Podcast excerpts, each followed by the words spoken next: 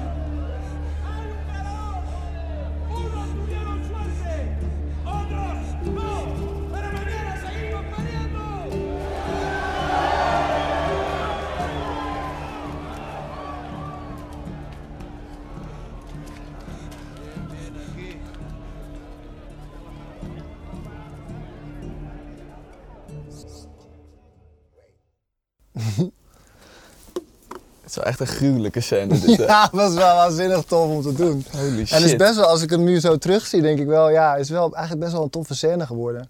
Het is super een soort van alien in die film, zeg maar. Ja. Omdat het is, het is een hele, ja, het is gewoon een romcom, weet je wel. ja, inderdaad, ja. Dus het is ook, toen we dat draaiden, had iedereen ook zoiets van, zijn je ineens een soort van fightclub aan het draaien, weet je Ja. wel, ook op locatie en zo.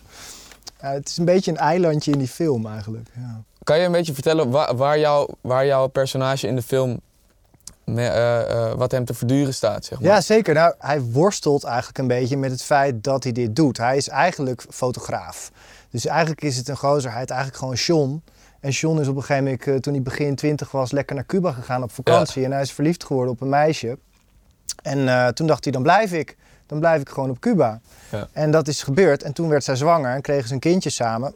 en hij was eigenlijk, ja, hij was een beetje zo'n zo'n reiziger, weet je wel. Zoals heel veel jonge gasten van eh, begin twintig misschien wel de wereld willen zien. Dat deed hij ook. En hij maakte foto's. En dat was eigenlijk zijn grootste passie. Dus hij is eigenlijk fotograaf. Alleen ja, als jij fotograaf bent op Cuba, is geen ene rode rotcent mee te verdienen. Dus is hij op een gegeven moment gewoon gaan vechten. Want hij was sterk en hij, hij, hij sportte. Ja. En dat ja, zorgde er eigenlijk voor dat hij, hij is een beetje veroordeeld tot dat vechten. Want dat kan niet goed, daar kan hij geld mee verdienen. En hij heeft gewoon een kind daar waar hij voor moet zorgen. En hij wil dat kind ook niet uit die situatie wegtrekken. En hij is eigenlijk ook te, verveel, te veel vervreemd van Nederland. Dus dat is een beetje een conflict. En tegelijkertijd vindt hij het ook niet belangrijk dat iedereen alles weet van hem. Dus dat is wel Ja. een beetje, ja, een beetje teleurgesteld in het leven, denk ik. En het feit dat zijn vriendin met wie hij dat kindje heeft gekregen, eigenlijk vooral op zoek was naar een rijke westerling.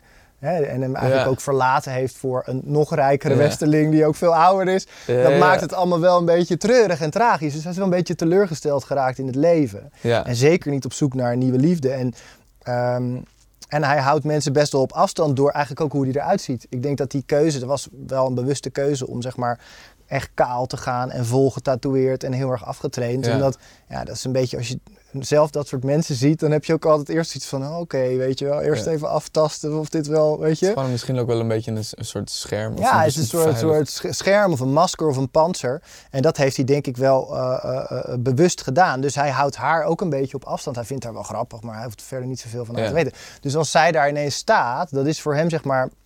Zit, zit ook wel, althans dat is wel zoals ik het zag, een enorme onderdeel schaamte, zeg maar. Snap je? Dat Ja. hij, hij is niet gewend dat daar mensen naar hem komen kijken als hij dit doet. Dit is zijn werk. Hij vindt Ja. het niet tof. Hij is helemaal kapotgeslagen. En, ehm, en, en dat is denk ik wel, als hij haar dan ziet, dan is hij eigenlijk zo nog in die adrenaline van dat gevecht en van die winst. En, eigenlijk dat, en die pijn die hij heeft ook. En dan ziet hij haar en dan zit daar ook een soort, bijna een soort verdriet, weet je wel. Van, oh shit, ik ben betrapt. Ik, dit, dit had niemand moeten zien, zeg maar.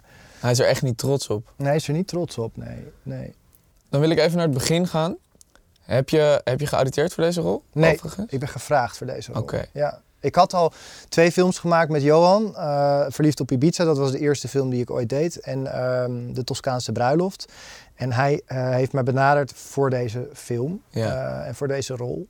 En ehm, ik, ik twijfelde een beetje toen ik ja zei. En toen dacht ik, ja, maar ik had wel het script gelezen en ik wist ook dat deze scène erin zat. Ja. En ik moet heel eerlijk zeggen, de kans om zo'n soort scène te spelen in een Nederlandse productie is niet heel groot. Er is niet heel veel dat gemaakt. Nee. Ja, je hebt de afgelopen jaren misschien Wolf. Wolf was een film waar natuurlijk veel, veel fysicaliteit in zat. En eh, het speelde Marwan natuurlijk. En je had die serie Vechtershart met eh, Waldemar, wat ook echt over vechten ging. Maar ja, dit soort scènes worden niet zo heel vaak gemaakt in Nederlandse producten. Ja. Dus ik dacht wel, oh, dat zou wel heel tof zijn. En toen heb ik eigenlijk tegen Johan gezegd van, ik wil het doen, maar dan wil ik eigenlijk bepalen hoe die eruit gaat Ja, ja, zien. ja, ja. En ik geloof niet dat dit noodzakelijkerwijs zijn beeld was van het personage. Maar ik ben wel heel blij dat hij zeg maar, die verantwoordelijkheid een beetje aan mij heeft overgedragen. En dat ik daarin eigenlijk mocht meebeslissen. ja.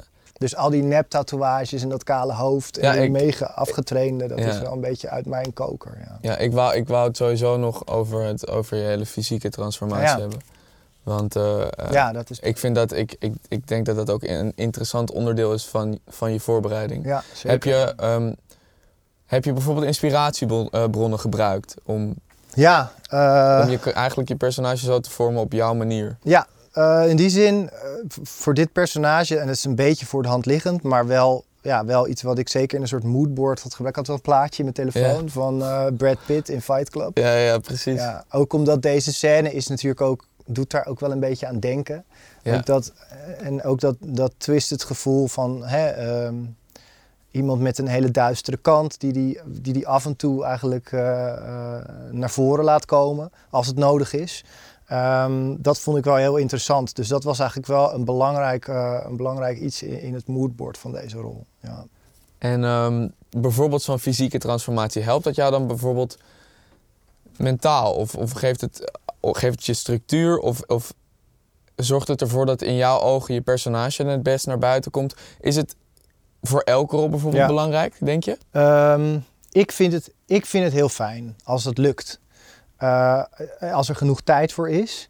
Dat is het vaak ook. Soms, soms dan draai je zo snel op eigenlijk eh, het feit dat je te horen krijgt dat je een rol wel of niet mag gaan Ja. spelen. En dan is er niet altijd tijd voor. In dit geval had ik, ik denk een kleine drie maanden, net geen drie maanden. Ik denk dat ik acht weken had om me fysiek voor te bereiden.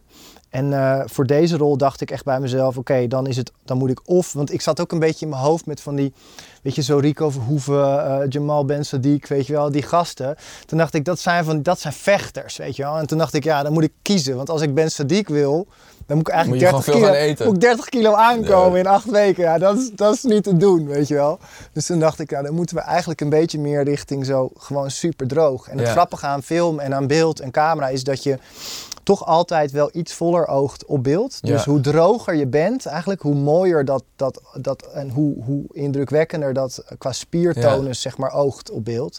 Dus toen dacht ik, nou dan moet ik gewoon keihard gaan trainen en even goed op mijn dieet letten. En dat heb ik toen acht weken gedaan. En dat is, eh, nou ja, dat, dit was het resultaat. Ik, en ik was echt, ben nog nooit zo droog geweest als toen, denk ik. Eh, dus het was wel, wel eh, heftig, maar ook heel tof. En ja, ja, ik vind dat dus in voorbereiding naar rollen toe wel heel belangrijk. Om ook over, juist ook over te- na te denken wat de fysieke tra- transformatie is van je personage. Ja. En ehm, ja, het, het, helpt, het helpt mij heel erg om er anders uit te zien. Om ook ja, beter te voelen wie dat dan is. Ja, zo, ja, wel. precies. Je bent ook kaal gaan. En wat je Ja, zegt, die tattoos en het roken en het drinken. Ja, klopt. Je bent, je, je, je- het is, nou, wat je zegt, dat hele, als je je fysiek daartoe kan zetten, zeg maar, dan kan je, dan kan je misschien ook mentaal daar sneller komen. Ja, ik, heb dat, ik vind dat heel fijn. Ik heb dat nodig. Ik ben ook niet.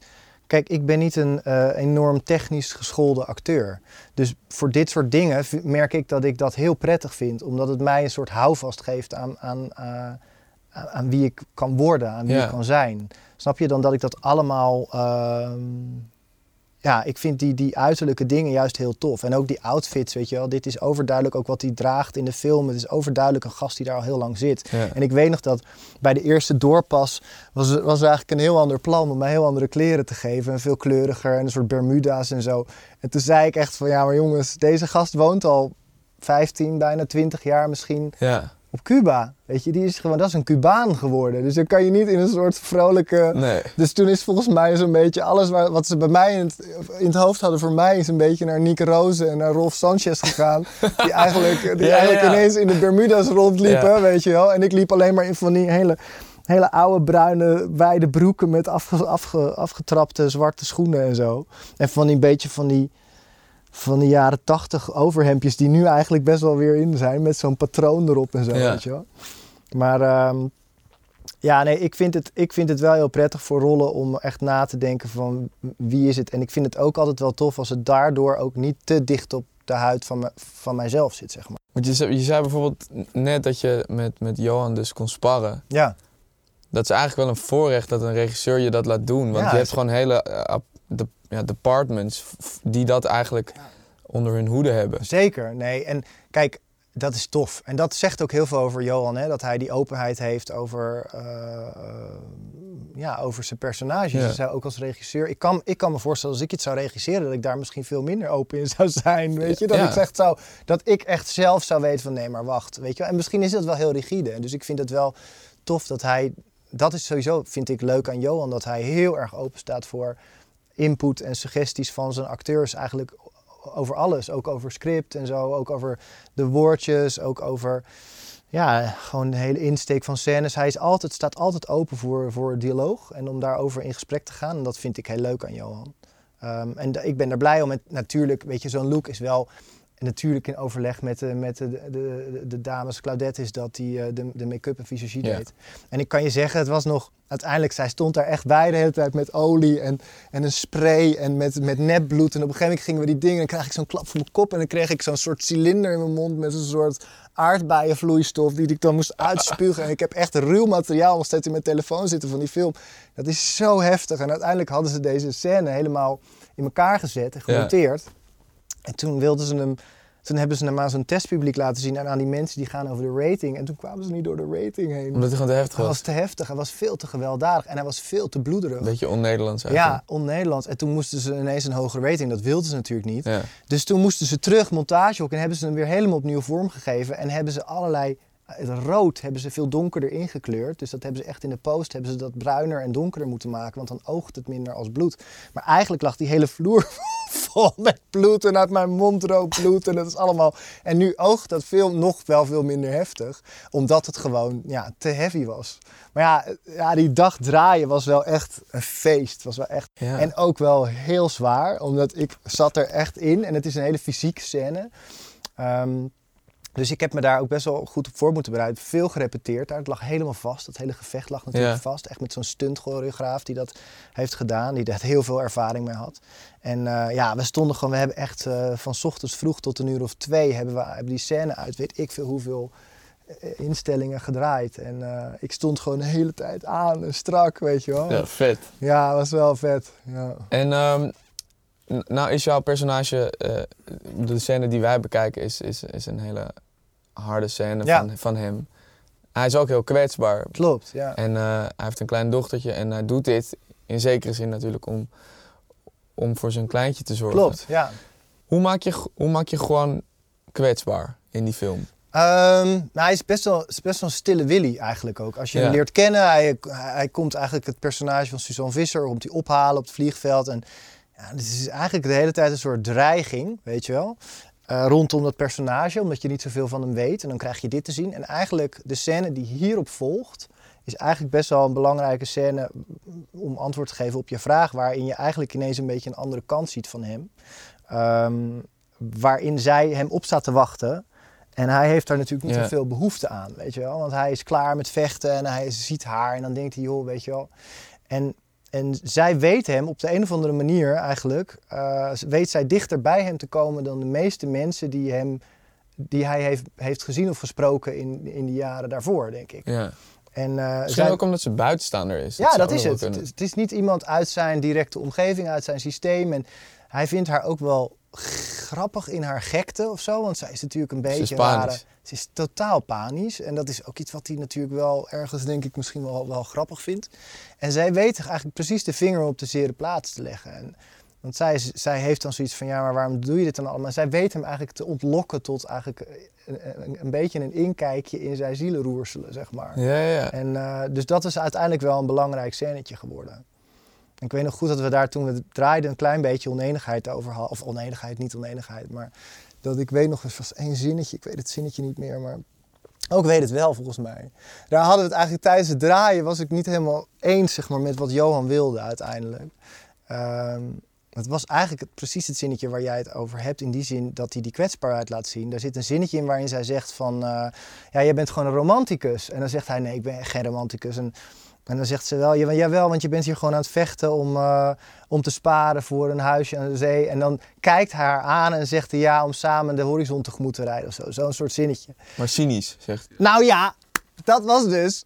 Ik, ik speelde hem toen we hem gingen draaien. Ja. Ik wilde hem eigenlijk liever minder op haar spelen. Snap je? Omdat daar is ineens een vreemde vrouw, die komt al dichtbij. Dat voelt zij ook, Ja. dat ze dichtbij komt. En dan gaat zij hem eigenlijk tot zijn ultieme geheim ontlokken. En zij zegt dan van ja, jij bent gewoon hier aan het vechten omdat je aan het sparen bent voor een huisje. En ik wilde hem veel meer vanuit hem spelen. Van ja, om samen de, zon, om, om samen, samen de zonsondergang tegemoet te rijden. Snap je? Zo van, tuurlijk niet, maar daardoor Ja, wel, ja, juist wel, snap je? Dat was eigenlijk mijn keus. En ik weet nog dat Johan toen zei...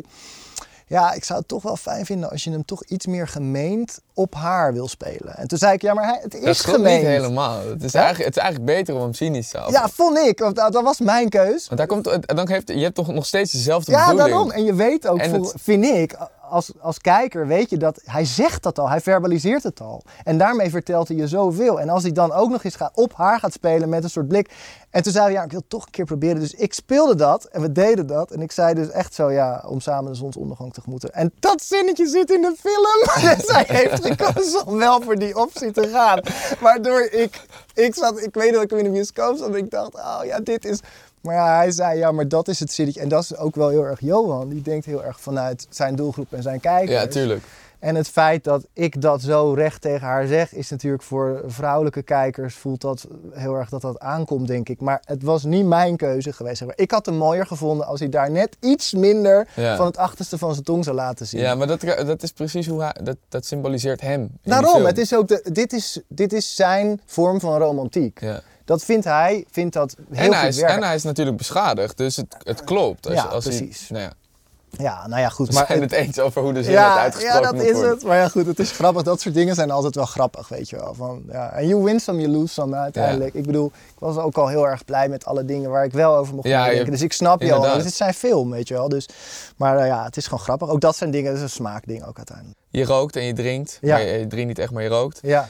Eh, maar zelf leef je waarschijnlijk een gezonde levensstijl. Waar, waar liggen voor jou grenzen, zeg maar? Want dit is natuurlijk onderdeel van de transformatie waarvoor je zelf hebt gekozen, Ja, ja, zeg ja. maar. maar ja, ik, ja, ik ben redelijk grensloos, Thijs. ja. Ja, ik heb niet zoveel grenzen, merk ik. En hoe ouder ik word, hoe, hoe, hoe minder grenzen er zijn. Ja, ik weet niet hoe je dat psychologisch precies kan verantwoorden. Misschien is het een beetje vluchten ook af en toe in een, in een personage Ja, of in een rol. ja. En dus ik vind het juist heel tof om eigenlijk wel de randjes een beetje op te zoeken. Als dat, als dat binnen het palet aan, van het personage past, vind ik dat eigenlijk alleen maar heel tof. Ja. Ja, Dan, eh, dan wil ik de tweede scène gaan bekijken. Die heb jij zelf uitgekozen. Die is Ja. uit de Zevende Hemel. Voor de kijker die de Zevende Hemel nog niet heeft gezien. Het gaat eigenlijk over een familierestaurant. Gerund door de ouders van de familie. Dan ben jij een van de drie kinderen. Samen met Alina en Thomas Akda. Ja. Je moeder wordt ziek. En die heeft een laatste wens om naar Italië te gaan. Alleen relatieproblemen, eh, een jubileum wat, eh, wat eraan komt. En ruzies binnen de familie die, die, ja, die verpesten eigenlijk haar wens. ja. Nou, speel jij Matthijs. Matthijs is eh, een beetje een laadbloeier van de drie. Staat nog niet echt met beide voeten op de grond. Weet eigenlijk ook nog niet echt wat hij met zijn leven wil. En krijgt dan plots een kindje. ja, krijgt te horen dat zijn vriendin zwanger is. Ja, inderdaad, ja. ja. Ehm, ja, dat zet zijn wereld wel een beetje op de kop. Ja. ja.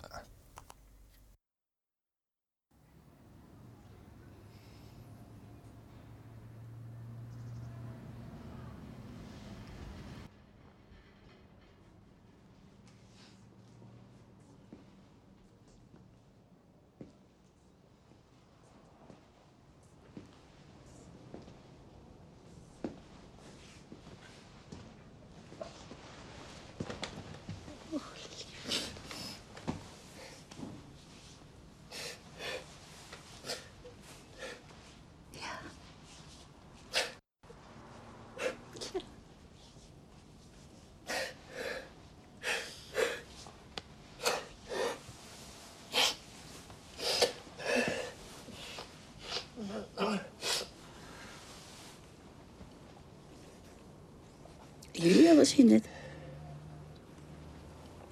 Ik zag haar net. Ben je teleurgesteld in mij? Ja? Waarom? Omdat ik er niet was. Ja, het was de goede reden. Ik had een paniekaanval, denk ik. Is een teken dat je volwassen wordt.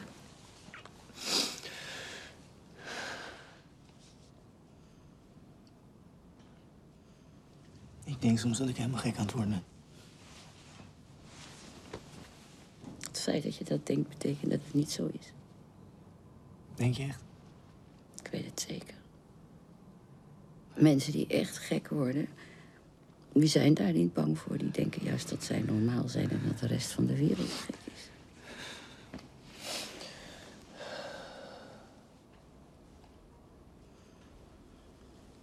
Komt allemaal goed, lieverd. Waar is Julia nu? Spullen halen voor jou. Oh, maar dat is niet nodig, want ik blijf niet. We hebben een jubileum te vieren en ik ga daarbij zijn, ziek of niet.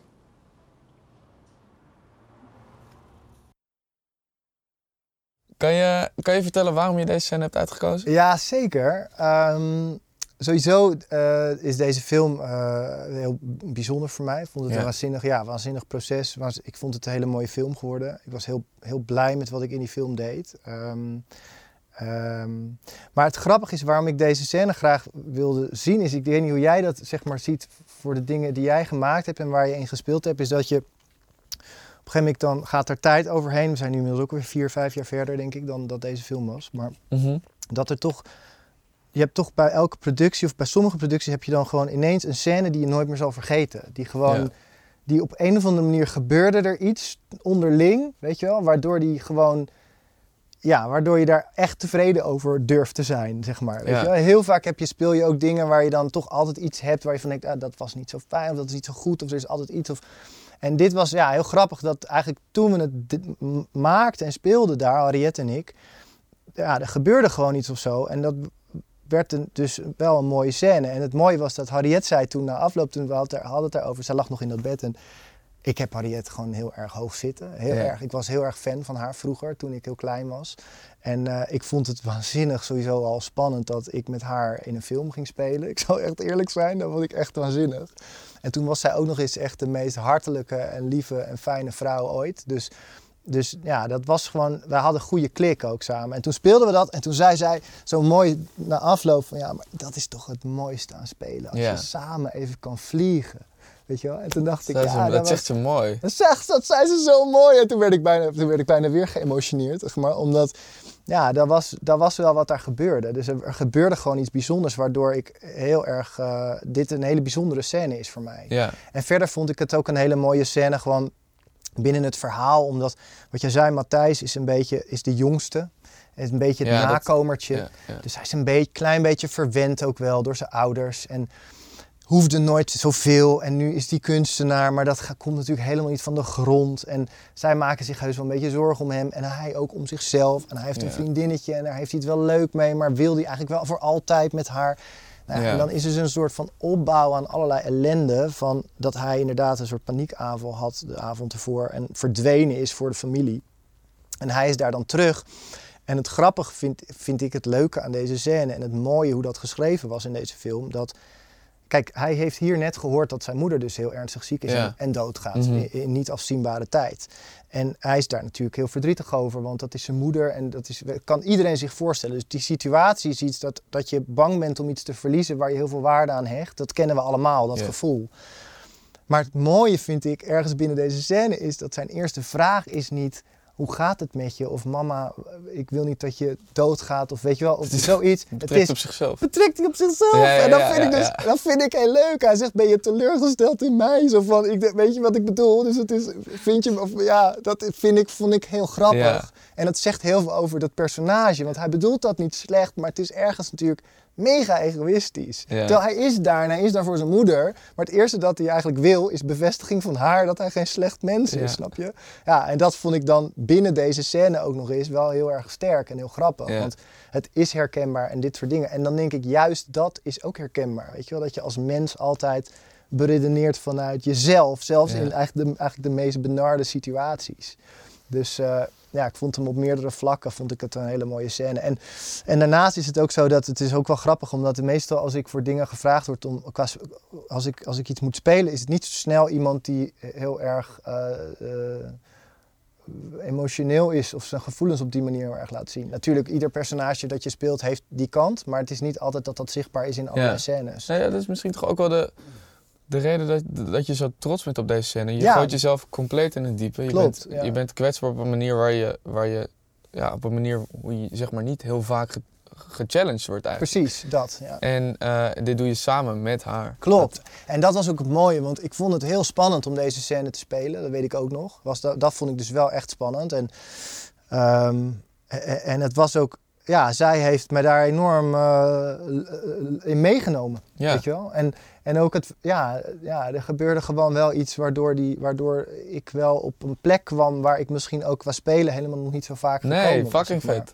En dat vond ik wel, eh, ja, dat was wel, mooi als dat, als dat je overkomt. Want dat kan je dus van tevoren ook niet inschatten. Want ja, er waren zenuwen en het was, en verder de sfeer was heel goed. Het was een zinnige crew en heel leuk Ja, maar het moet elkaar. wel gebeuren dan. Maar het moest wel gebeuren, weet je wel. En, en je wist, ik wist ook wat dat in, het, wat dat in het, de rest van het verhaal, wat voor moment dat, hè, waar het zijn plek had, zeg maar. Dus, dus het moest wel eh, eh, eh, gebeuren. En ja, dat dat zo, zeg maar, ook mij een beetje overnam, ja, vond ik, vond ik wel echt een toffe ervaring. Ja. ja, ja. Ja, en die, die staat dan op camera. Ja, Kan man. altijd naar kijken. Ja, en, eh, ja, dat heb ik dus nooit meer gedaan sinds de première. En nu zie ik hem en dan denk ik, oh ja, het is grappig hoe dan zo'n scène ook weer anders werkt, zeg maar. Dat ik, ja, ik ben wel heel blij dat ik, want ik ben best wel kritisch op wat ik, wat ik doe en wat ik maak.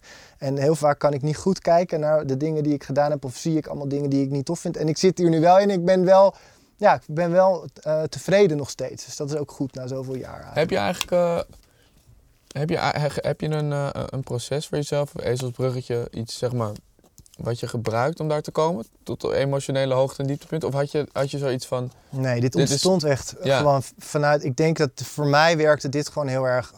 Gewoon beredeneren vanuit de gedachte van je moeder ligt in het ziekenhuisbed. En Ja. dit duurt misschien nog maar drie weken, weet je wel. Ik Ja. denk dat dat is een gedachte die, ehm, ja, die sterker is dan. eh, eh, weet je wel, welke, welke nare gedachte of welke technisch proces je je kunt verzinnen. Ik denk ook dat die dan dat die op die manier ook het meest oprecht. Althans, dat werkt voor mij zo. Ik denk dat iedereen werkt daar anders in. Maar Ja. voor mij werkte dat gewoon het beste.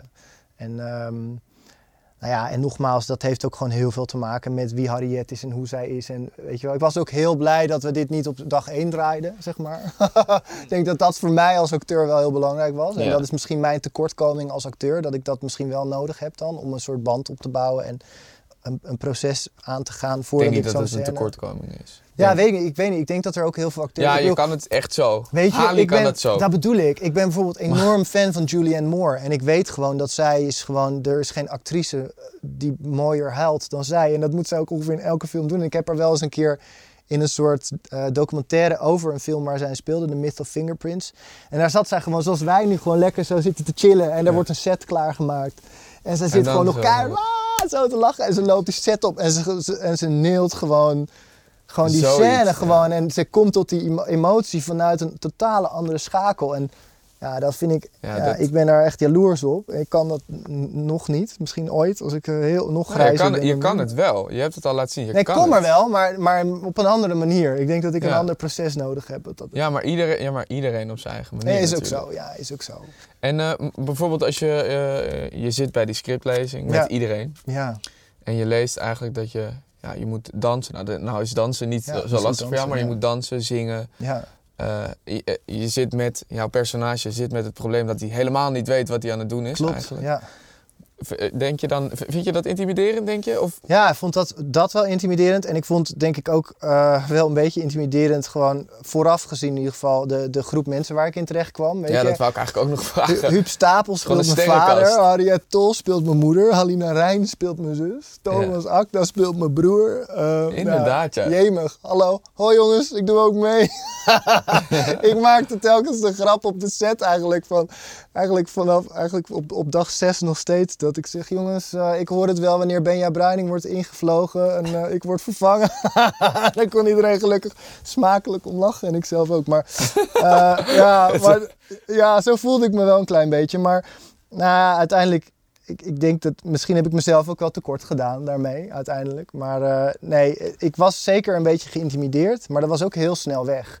Maar ik heb wel momenten gehad dat ik mezelf misschien hier en daar een beetje moest knijpen. Op een gegeven moment hadden we een scène in het restaurant aan tafel met iedereen. Ja. Dan zaten we te eten. En, eh, Noortje speelt mijn vriendin Julia. En ehm, eh, Ruben van der Meer was daar ook bij. Een hele leuke scène aan een tafel waar het echt zo'n kringgesprek is van een grotere familie. Weet je wel? En die pest die een beetje en die pest die een beetje. En dan ineens is er een soort ontploffing vanuit het niets qua emoties bij iemand.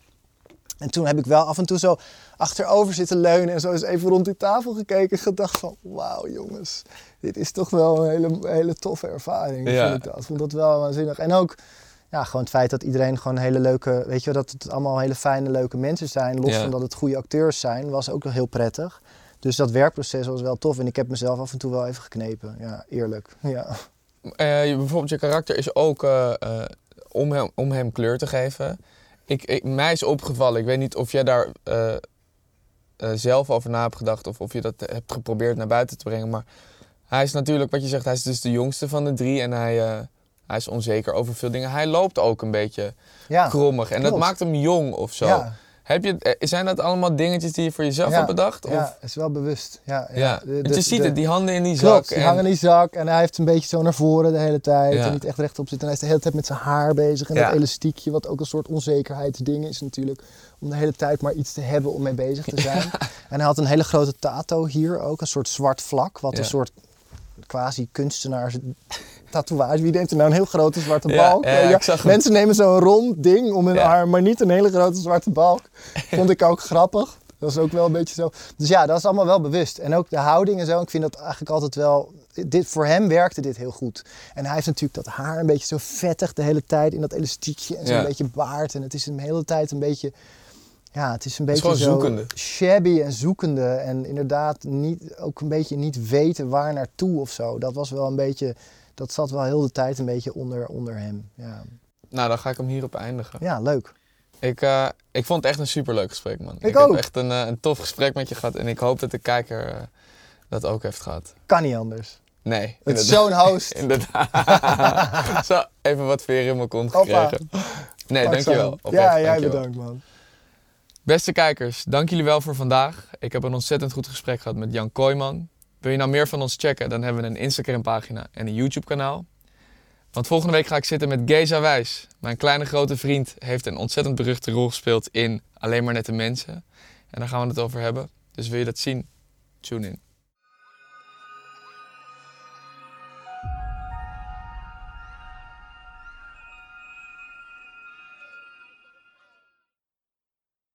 Dank voor het luisteren.